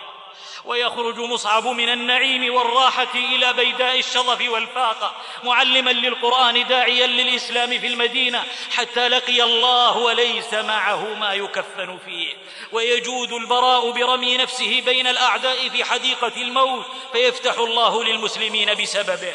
ويجود أبو الدرداء بالإعراض عن التجارة لتلقي الوحي عن رسول الله صلى الله عليه وسلم. ويجود خالد عن طيب نفس بالتنازل عن القيادة طاعة لأمير المؤمنين. فكان سيفا سله الله على المشركين. ويجود أبو عبيدة بالتنازل عن إمرة الجيش لعمرو بن العاص جامعا لكلمة المسلمين في كل أمة أمين. وأمين هذه الأمة أبو عبيدة. ويجود الحسن سيد شباب أهل الجنة بالتنازل عن الخلافة درءا للفتنة وجمعا للكلمة واصلاحا بين فئتين من المسلمين. وتجود عائشة بمائه ألف أتتها في يوم فما أمست حتى فرقتها في الأرامل واليتامى والمساكين وتجود أم سلمة بشمل الأسرة وفراق الزوج والولد في سبيل الهجرة إلى الله ورسوله وتجود ذات النطاقين بما تملكه فلا تدخر شيئا لغدها وفئة لم يجدوا ما يجودون فجادوا بالدمع تولوا وأعينهم تفيض من الدمع حزنا أن لا يجدوا ما ينفقون. ويجود جميع المهاجرين بديارهم وأموالهم يبتغون فضلا من الله ورضوانا وينصرون الله ورسوله. والأنصار يؤثرون على أنفسهم ولو كان بهم خصاصة. يحدو سراهم ويشدو في مواكبهم قرآنهم وحديث المصطفى العربي. تنفست بهم الأيام وانتعشت بروحهم. رئة الدنيا من الشلل. كانوا وكنا فلسنا مثلهم أبدا. هل يستوي الذهب الإبريز بالهلل؟ ومع ذا إني لأقرأ جودهم فإخالني ألقى الحباب يدا وأعتنق البرى. والأمة أمة مرحومة لا يزال فيها الخير إلى قيام الساعة. بهذا الخلق عاش الشيخ إحسان إله ظهير رحمه الله يرشد الأعمى ويخزي من تعامى. مجاهدا في سبيل الله مدافعا عن دينه متصديا للطوائف الضالة من أعداء الصحابة وآل البيت وأمهات المؤمنين. فعلى الضلال يموج موج الأبحر يغشى العدا كالهول كالليث الجري. هددته الطوائف الضالة كتابة ومهاتفة فلم يأبه لهم واشتد في كشف خباياهم ولما قال إخوانه احذرهم قال نفسي وجسمي ومالي وعرضي جعلتها فدا لديني وابتغاء مرضات ربي. إن صلاتي ونسكي ومحياي ومماتي لله رب العالمين لا شريك له وبذلك أمر. حاله مسلم لله وجهي ويدي ولساني وغدوي ورواحي واستمر يجود بنفسه لله فيما يحسب. وبينما هو يلقي محاضرته في ندوة العلماء انفجرت قنبلة عند منصته فذهبت بثلث جسده بعينه اليسرى ورجله وأذنه وجنبه قطعوا شريان باب المبتدى قتلوا في همزة الوصل الصبابة ولم يفقد وعيه بقي يوجه إخوانه إلى العناية بالجرح الآخرين. إيثارا لهم على نفسه. فإذا قريت الأذنى شهد كلامه قلت اسمعي وتمتعي ورعي وعي. رأى أحد محبيه يبكي فزجره وقال إذا كنت تبكي فكيف تعزي غيرك؟ يرى الخفض من الخفض فلم يهو سوى الرفع. نقل إلى المملكة ولقي بها ربا ودفن مع من جاد بنفسه للدفاع عنهم بالبقيع. وأجيبت دعوته التي لطالما رددها كدعوة الفاروق. اللهم ارزقني شهادة في سبيلك. واجعل موتي في بلد رسولك حاله. لا تطلبوا عندي الفؤاد فداره إما ربوع قبى وإما الأبطح. ولاقى الردى ساخرا بالردى ومات على الحق في سؤددي وما الحر إلا المضحي الذي إذا آن يوم الفدا يفتدي. فمن لم يمت في الجهاد النبيل يمت راغم الأنف في المرقد. بهذا الخلق عاش الشيخ محمد الأمين. محمد الأمين عليه رحمة رب العالمين. عزيز النفس قد لزم القناعة ولم يكشف لمخلوق قناعه يأخذ من راتبه مصروف الشهر ويجود بالباقي على ضعاف طلاب العلم والعجائز والأرامل والمساكين والأقربين. يقول والله لو عندي قوت يومي ما أخذت راتب الجامعة. يعطي من غير قرض فإذا جاء الآخذ ليرد قال جزاك الله خيرا ولم يقبل منه. لا يعرف فئات العملة الورقية ولم يطلب مرتبة ولا ترقية. لأن الغنى غنى النفس. يقول جئت من شنقيط ومعي كنز قل أن يوجد عند أحد وهو القناعة.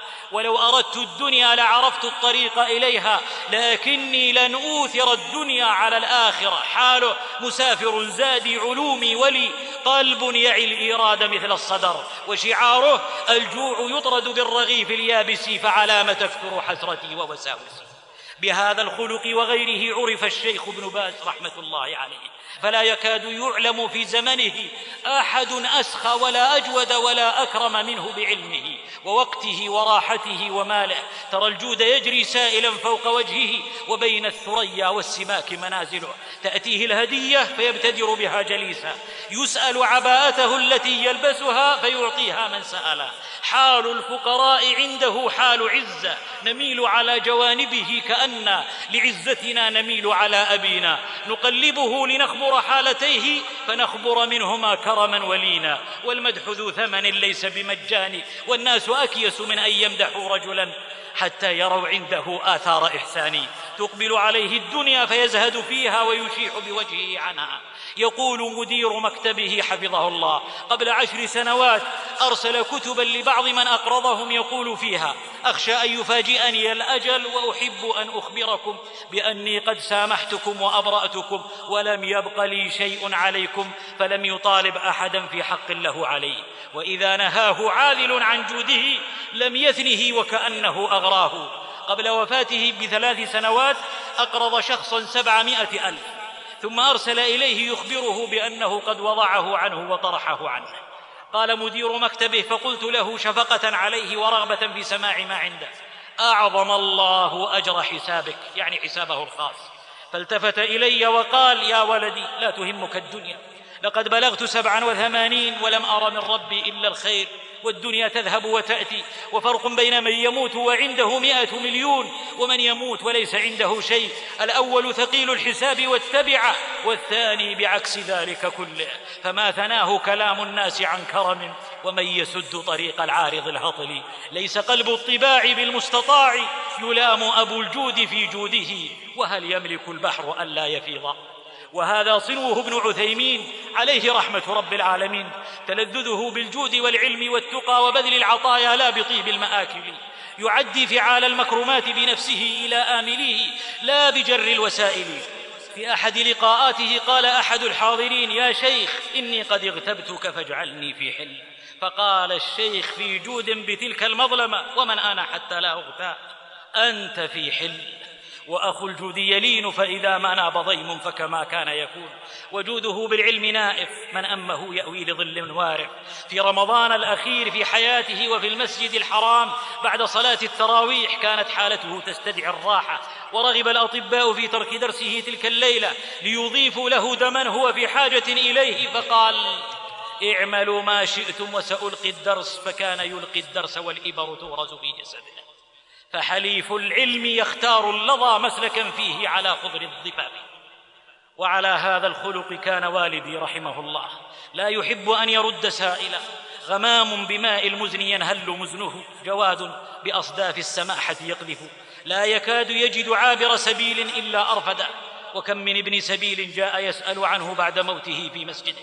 من تأمله في رمضان في عقده الأخير من عمره بمكة لم يكد ينقضي عجبه. إنه المسلم من يعرفه يعرف الجوهر في الإنسان صافي. بشاشه وجهه بالسمت تدعو فيألفه القريب أو البعيد. وكذاك أحسبه وحسيبه الرحمن. في يسر وفي إعسار يا رب فارحمه وضاعف أجره اغدق عليه بفضلك المدرار. أتاه سائل في مسجده فخلع له عمامته وعاد حاسر الرأس لبيته. مع أنه لا يعهد عنه كشف رأسه بغير بيته إلا حال إحرامه. فلو أنه يفدى لكنت له الفداء وأود لو أني سددت مقاصره. يا درة فقدت وكانت فاخرة من بعد حج حولت للآخرة. ودعت قلبي حين جاء نعيه فتقاعدي يا عين بي أو أنجدي لكن لنا عن كل خل سلوة بمصاب سيدنا النبي محمد. يا ربي فارفعه لأعلى منزل في جنة من تحتها الأنهار. أكوابها موضوعة وقبابها مرفوعة حفت بها الأنوار. وصحابها من فضة ولباسها من سندس وطعامها أطيار. بهذا الخلق يجود الإمام الرازي رحمه الله على سلطان الهند الغوري بموعظة بليغة مؤثرة في أسلوب لا يمكن رده فيقول يا أيها السلطان لا سلطانك يبقى ولا تلبيس الرازي يبقى وأن مردنا إلى الله وأن المسرفين هم أصحاب النار. فأجهش السلطان وهملت العينان وذلكم جهاد اللسان وهو من أفضل الجهاد يا أهل القرآن. العالم طبيب ومنقذ وحارس فإذا ضعف أو جبن صار عضوا أشل يؤود ولا يذود ولا يقود فتتيه القافلة وتغرق الماخرة فيا ليته لم يكن قاضيا ويا ليتها كانت القاضية. عبد الله ويمن الله على قسيس فلبيني بالإسلام فيجود بالدعوة في بني جلدته فيسلم على يديه أربعة آلاف. فاض كالسيل لهم فانطلقوا في عباب السيل يطفون الظمأ. وها هو طفل العاشرة يأخذ من مرتبه في مدرسة تحفيظ القرآن عشرة ريالات ويجود ببقيته في سبيل الله. ما كل طير هزارا حين تسمعه كلا ولا كل ذي ريش بطيار. اسلك طريق القوم أين تيمموا؟ خذ يمنة ما الدرب ذات شمال على آثارهم سيروا تكونوا خير ركبان معشر الإخوة تلكم شمائل سماوية متسامية. أشفية صح بها جسد السلف ويصح بها جسد الخلف. على كل فنن منها منبر خطبة ومطية خطيب. بها يتلافى الخلل قبل الفوات ويضم الشمل قبل الشتات. لها موعد في ثنايا الرضاب وها نحن نستنجز الموعدا. وهذه الروابي وتلك السهول حبالا وتستعجل المولدا. رفعنا الرؤوس كأن النجوم تخر لأهدابنا سجدا. فهيا نشق جفون الصباح وننضح في مقلتيه الندى. أيها الجيل من جاد ساد ومن بخل باد والله جواد يحب الجود ومنع الجود سوء ظن بالمعبود. يا جامع الأموال لا تبخل بها فالمال يا مسكين للرحمن. هو من يديك وإن تكاثر زائل فخذ الذي يبقى وخل الفاني. أقرضه للمعطيكه تظفر بما أقرضت في دار جناها داني البخيل من ذكر عنده النبي صلى الله عليه وسلم فلم يصل عليه. وأبخل الناس من بخل بالسلام الجود مالك القلوب غطاء العيوب تفريج كرب سرور قلب إغناء عن سؤال إشباع جائع إعفاف أسرة فرحة صغير سرور كبير يطفئ الخطيئة يقي من النار ينجي يوم القيامة ثناء من الله أمن في الموقف بين يدي الله يطفئ غضب الرب. يقي مصرع السوء يدفع ميتة السوء وهو مع هذا كله برهان الإيمان واليقين. فالعبد لحب الخير لشديد ويحب المال حبا جما. فإذا جاد بما يحبه حبا شديدا وحبا جما برهن على أن حب الله في قلبه أغلى من كل غال وثمين. ولذا صح عن الأمين صلى الله عليه وسلم والصدقة برهان. وقال المنان وآتى المال على حبه وقال ويطعمون الطعام على حبه ومما رزقناهم ينفقون أولئك هم المؤمنون حقا. هذا هو المجد الرفيع وليس في سبل الهوى وتطاول البنيان. أيها الجيل خذوا بأكف الأسد من أسهم العلا نصيبا فإن الحاضر اليوم أوسع. ومن يوق شح نفسه فأولئك هم المفلحون. آثرت أم ابنتيها بشقي تمرة وبقيت جوعا فأوجب الله لها الجنة وأعتقها من النار. جاد امرؤ بناقة مخطومة في سبيل الله فوعده النبي صلى الله عليه وسلم بسبعمائة ناقة مخطومة يوم القيامة.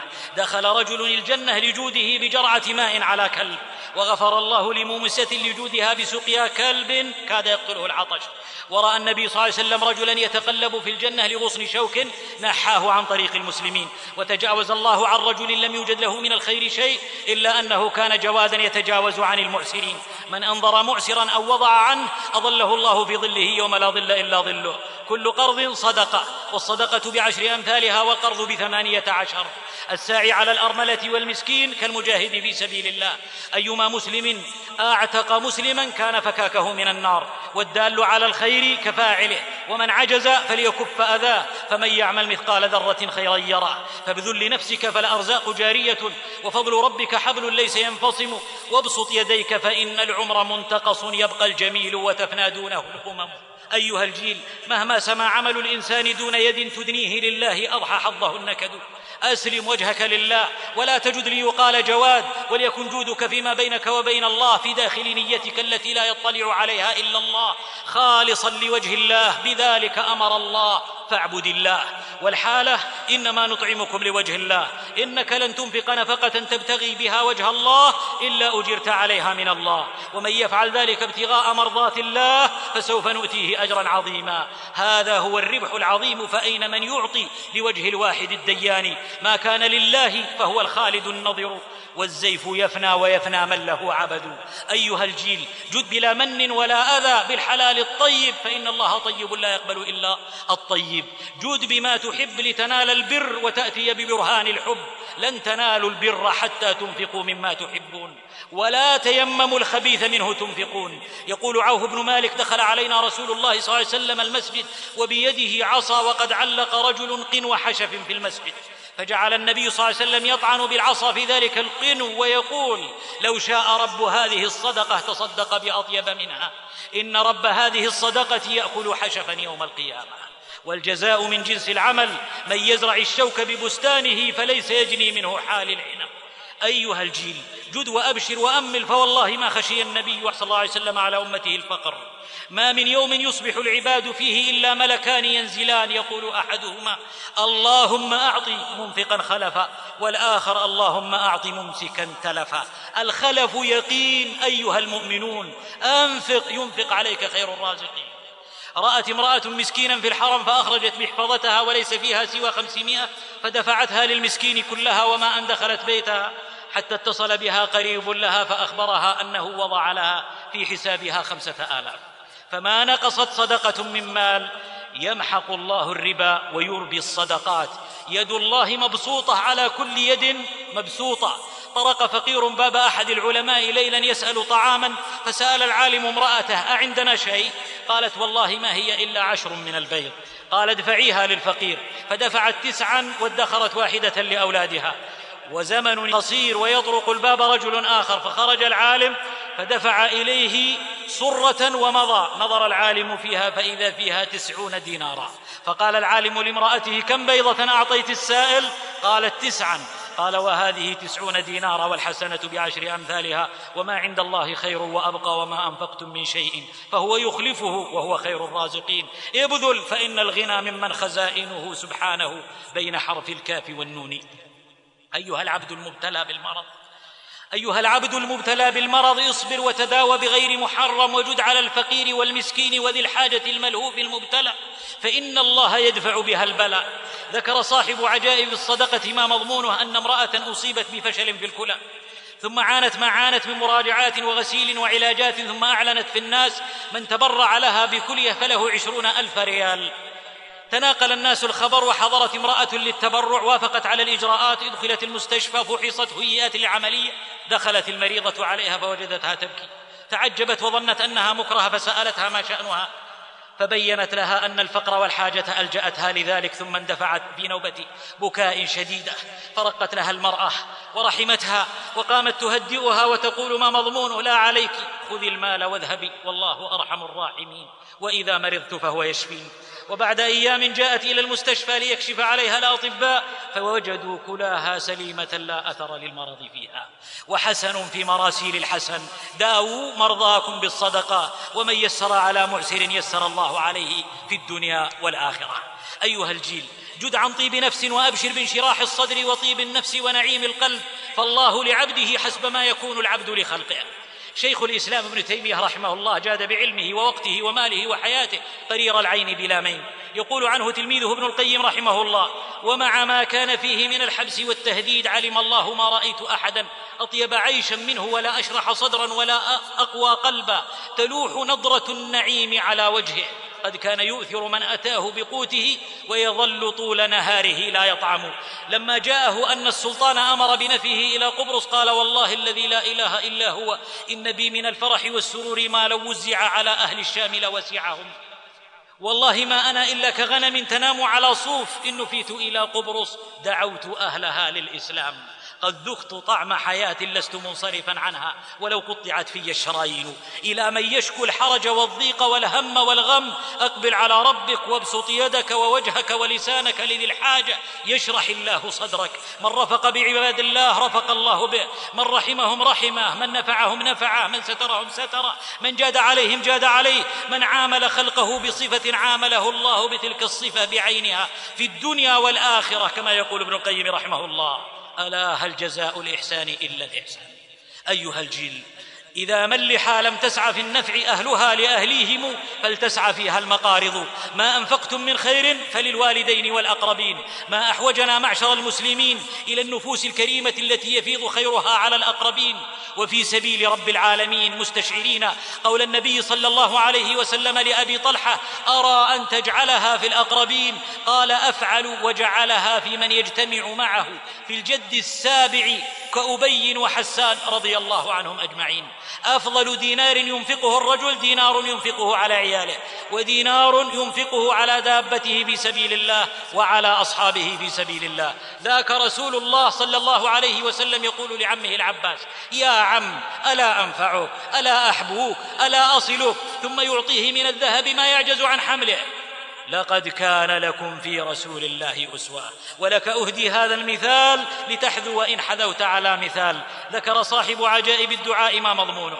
في حادث سير دخلت سيارة شاب تحت شاحنة واشتعلت فيها النار. واجتمع الناس يحاولون إخراج السيارة وإنقاذ الشاب.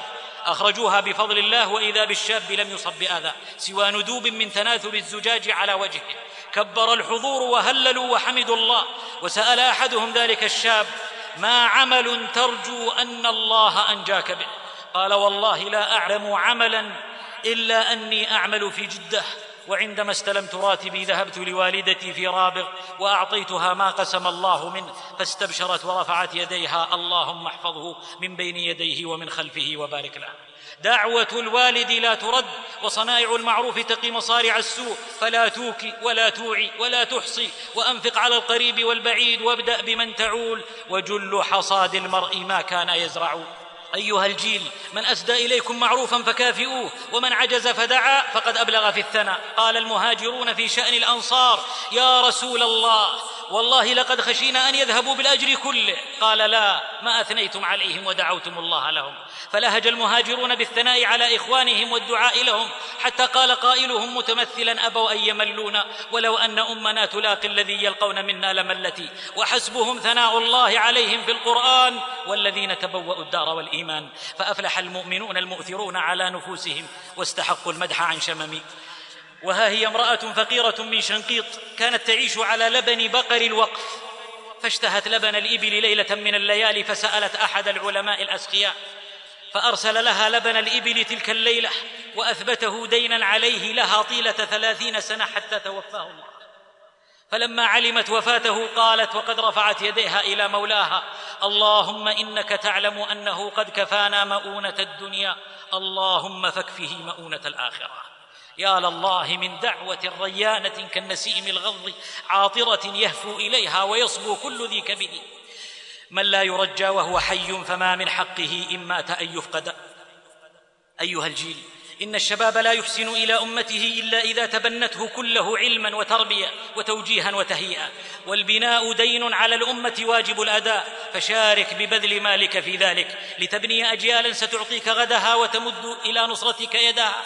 وتكون سندك غدا إن كنت اليوم سندها. أقرض الأمة في تعليم أبنائها وتوجيههم قرضا حسنا. تردده لك أضعافا مضاعفة. ومن يزرع النعمى بأرض كريمة سيحصد أضعاف الذي كان يزرع.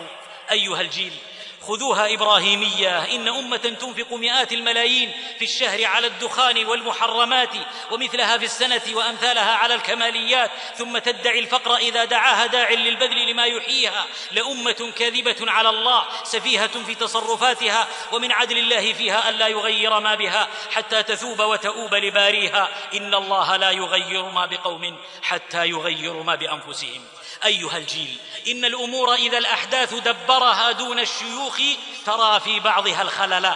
عودا عودا إلى العلماء إلى الأكابر. البركة مع الأكابر. هم الجبل الأشم يكون فينا فتتزن الحياة.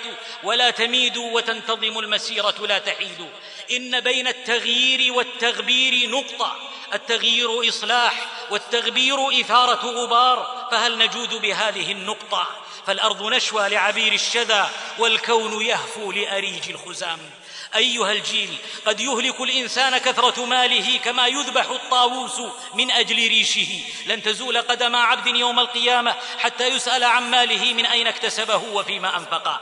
إن المال الذي تنفقه في المحرمات يسوقك إلى النار والمال الذي تبدده في الشهوات يجلب لك العار والمال الذي تدخره للورثة الجهال إنما تهديه للأشرار وتبوء أنت بالتبار والخسار. والمال الذي تحيي به العلم وتميت الجهل وتطعم الجائع وتخلف الغازي يتوجك في الدنيا بتاج الفخار وينزلك برحمة الله منازل الأبرار. والفضى للصقور لا للنعام ومسار الوراء غير الأمام. وما جامد الكف الظنين بماله كمن عود السؤال نثر الدراهم. أيها الجيل كذاك السوابق لا تنتهي إذا أرسلت دون غاياتها السخاء السخاء. ومع الأسخياء الذين ينفقون في السراء والضراء أصحاء أشحاء.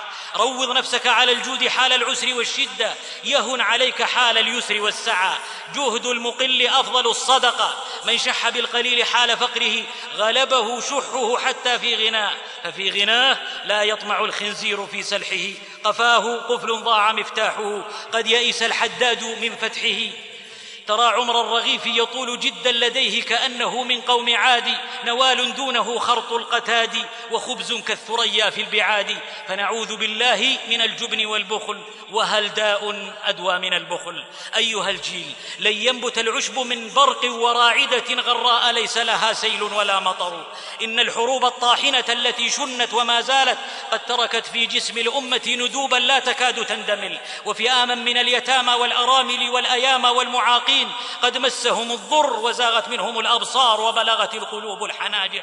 فقدوا العائل والكافل وآلة العمل. فقدوا المنازل والديار فما لهم إلا الكرام. منازل وديار. إلا الكرام منازل وديار. فهلم هلم. فلننسي اليتيم مرارة اليتم. ولايم حرارة الثكل. وذا الإعاقة أنه عالة. هل تنصرون وترزقون إلا بضعفائكم؟ امسحوا على أحزانهم بيد من عطف وحنان. واقطعوا تعاملكم مع من جرعهم الآلام والأحزان. إنهم يعتمدون عليكم ليحيوا وينهبوكم في حرب اقتصادية تسعى لإفقاركم ويأتمرون بكم ليقتلوكم. وما شر من الأولى إلا الثانية. إن من يرجو من الأعداء عدلا مثل راجي الطهر في عين النجاسة. العدو وحش مروض آخر صرعاه رائض. لئيم لا يفي يستأصل ولا يكتفي يجاهر بالسوء ولا يختفي. كنود يقطع اليد الودود وقد بدأ يتصدع جداره ويشرف على الفناء فناؤه فلا تكفكف دمعه ولا تنظم جمعه ولا ترمم وأنت لا تشعر جداره لا تعمر في الكماليات بالدولار داره رأس الدواء الحمية بها تقلم أظفاره وتهتم أنيابه ويهز اقتصاده.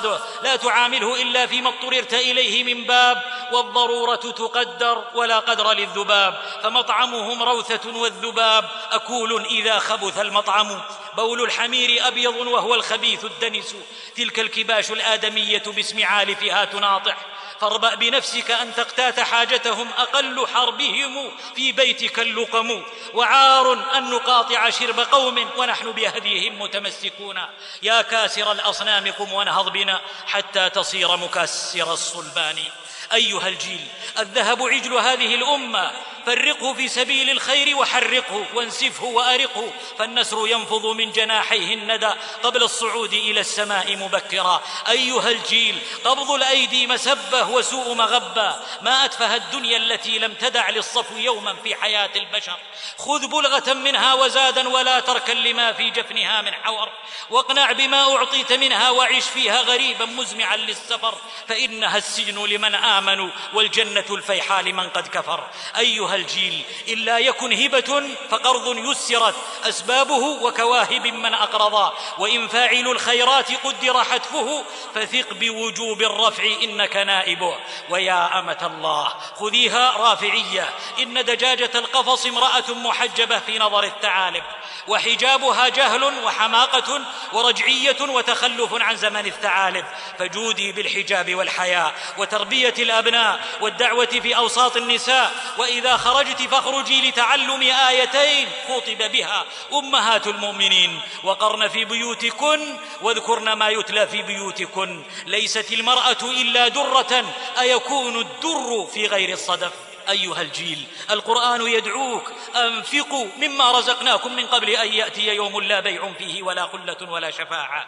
من قبل أن يأتي أحدكم الموت فيقول رب لولا أخرتني إلى أجل قريب. هل أدلكم على تجارة تنجيكم من عذاب أليم؟ تؤمنون بالله ورسوله وتجاهدون في سبيل الله بأموالكم وأنفسكم. فيا سرايا الجود لا تفزعي ممن أذل الله أو تفرقي ولتخفق الرايات منها هنا ويا شموس الجود فلتشرقي. واعتصموا بالله في وحدة واحدة شامخة البيرق ولترفعوا التكبير في قوة يا أمتي جئناك لن تغرقي. ولتسمعوا الدنيا صدى صوتنا ينداح يا راياتنا فاخفقي. ستبقين يا قبلة الأولين. منارا لأمتنا الظافرة. فلسطين هذا الظلام الفجور. سيرحل والطغمة الفاجرة. ويسفر صبح بديع المحيا يذكر بالصحبة الغابرة. فلولا الجهاد لصرنا عبيدا نلوذ بأحذية السامرة. فلسطين يا روضة الطيبين لنا في رباك المنى الطاهرة. وأزرق الفجر يبدو قبل أبيضه وأول الغيث قطر ثم ينسكب. وإذا الروض جاده القطر غنى كل طير وزغردت كل غادة. أيها الجيل طموحا إلى منازل العز. جموحا عن مواطن الذل وجودا بالوابل والطل ولا يأس. إن خلف الليل فجرا نائما وغدا يصحو فيجتاح الظلام وغدا تخضر أرضي فترى في مكان الشوك وردا وخزاما.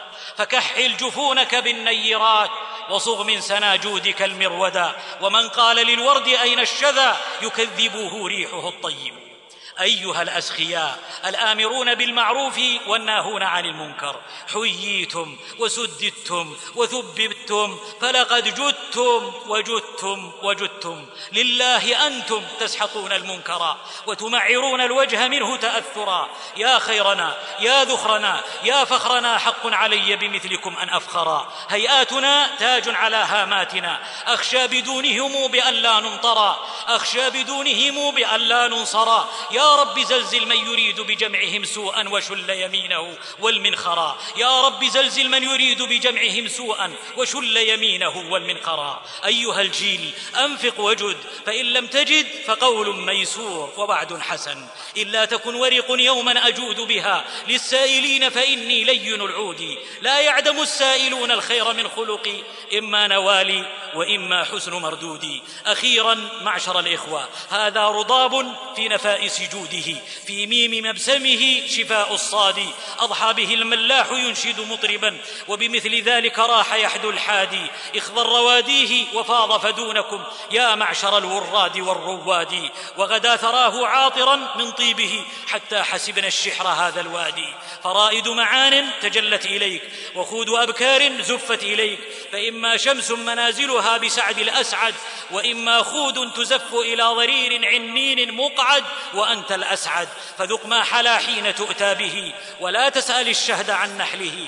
واقصد شمائله واجعلها مبتدأ. في الجمع يا صاحي وارفع جملة الخبر. قد بذلت الجهد وحاولت أن أبلغ القصد. أسأل الله ألا يكون هذا الرضاب سراجا في شمس. ولا مطرا في سبخة. ولا حسناء عند عنين. ولا طعاما عند سكران. وأن يكون بالمقصود وافيا. وللغليل شافيا. والله أرجو المن بالإخلاص لكي يكون موجب الخلاص.